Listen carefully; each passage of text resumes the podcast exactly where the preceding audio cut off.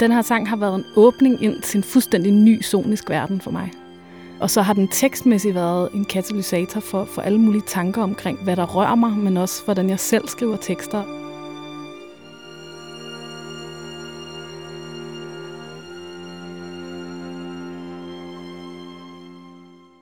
Jeg hedder Hanna Schneider, og jeg er sanger og sangskriver og komponist.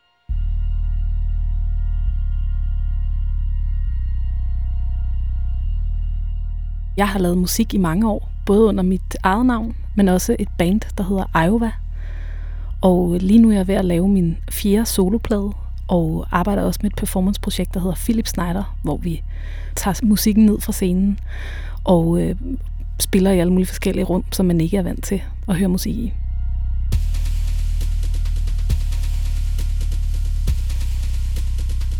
Jeg har valgt sangen Hyper Ballet med den øh, eviggyldige, synes jeg, kunstner Bjørk fra hendes plade Post fra 1995, som jeg synes på en eller anden måde har fulgt mig gennem livet, siden jeg hørte det første gang.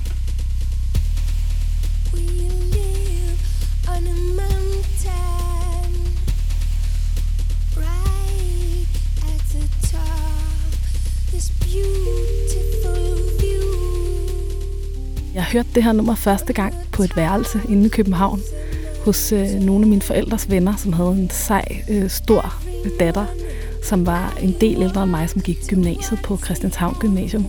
Og jeg var sådan, jeg har været 10 år eller sådan noget, og boede hjemme i Virum. Og så fik jeg lov at komme ind på den her, den seje piges øh, værelse, og så spillede hun en CD for mig, som det var dengang, øh, med hende her Bjørk, som jeg aldrig havde hørt noget om to start the day.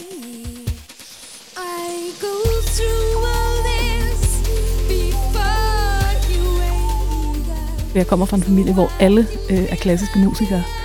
Så jeg har hørt alle de store klassiske værker, lige fra jeg var helt lille, og elsker klassisk musik. Men jeg havde ligesom slet ikke nogen bevidsthed om alt muligt andet. Jeg har hørt Beatles, men det var ligesom det vildeste.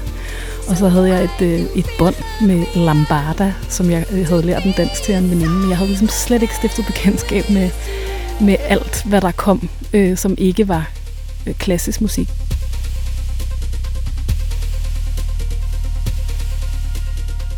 Jeg kan bare huske, det var sådan en form for eksplosion for mig. Altså, jeg kunne slet ikke finde ud af at afkode, hvad sådan det var, der skete.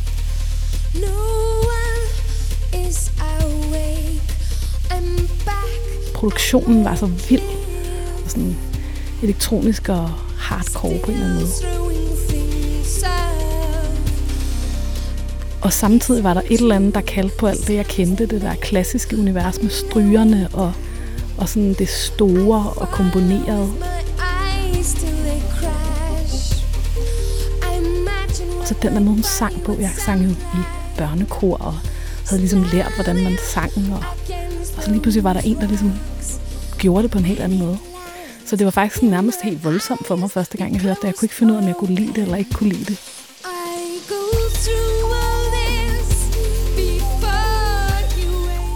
Jeg lyttede til det her nummer. Altså, jeg, jeg ved simpelthen ikke, hvor mange gange, men det var ekstremt mange gange. Og begyndte sådan at prøve at finde ud af, hvad fanden egentlig det var, der skete.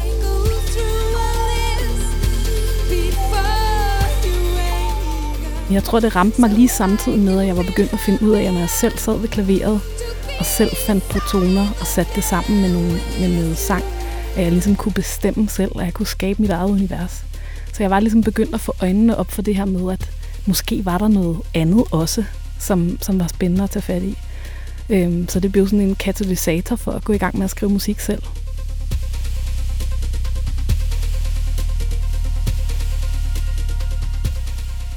Og så er det faktisk sådan et nummer, som, som tekstmæssigt er begyndt at betyde noget for mig senere i livet.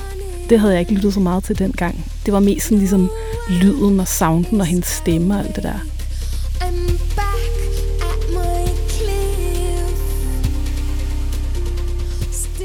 Nævner alle de her hverdagsting, som er sådan lidt underlige i en popsang. Altså cutlery, altså bestik og brødrester og alle mulige halvøje, som hun smider ud over den her klippe.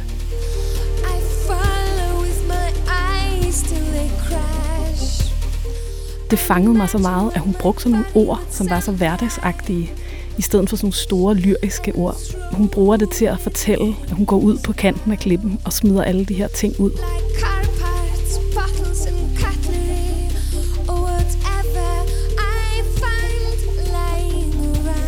Fordi når så den anden vågner, om det så er hendes elskede eller hvad det er, så kan hun ligesom være der og overleve det.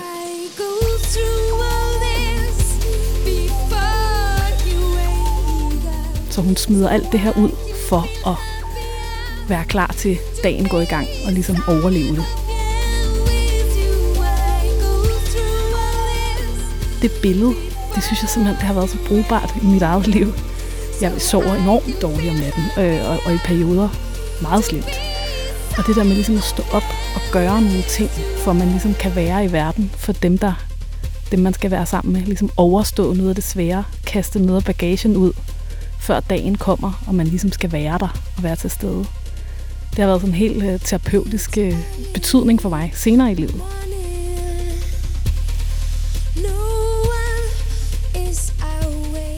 Når man er, har en kæreste, men også når man har fået to små børn.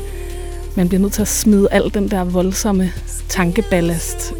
Om det så er bestik og, og brødrester og hvad det nu er, eller om det er alt det, man går og ligesom kæmper med. Så man smider ud, og så er man klar til at være der for dem, der er i ens liv om morgenen, når man vågner. Det synes jeg er sådan et flot billede.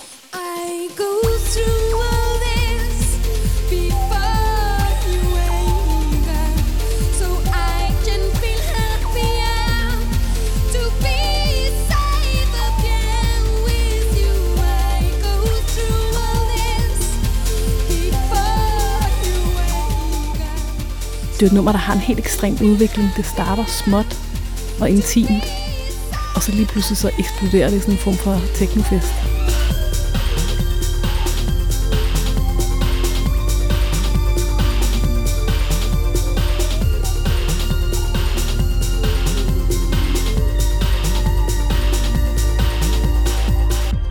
Man skal give sig selv den tid til at lytte til hele den lange vej ind og så skal man embrace teknofesten til sidst.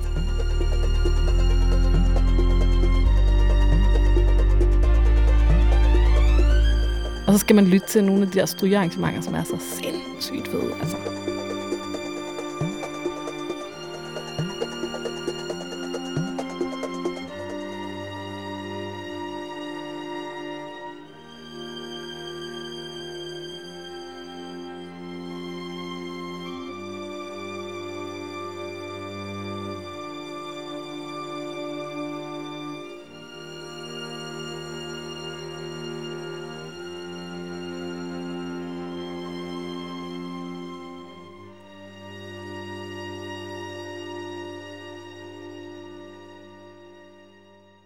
Denne podcast blev produceret af Biblioteket Frederiksberg.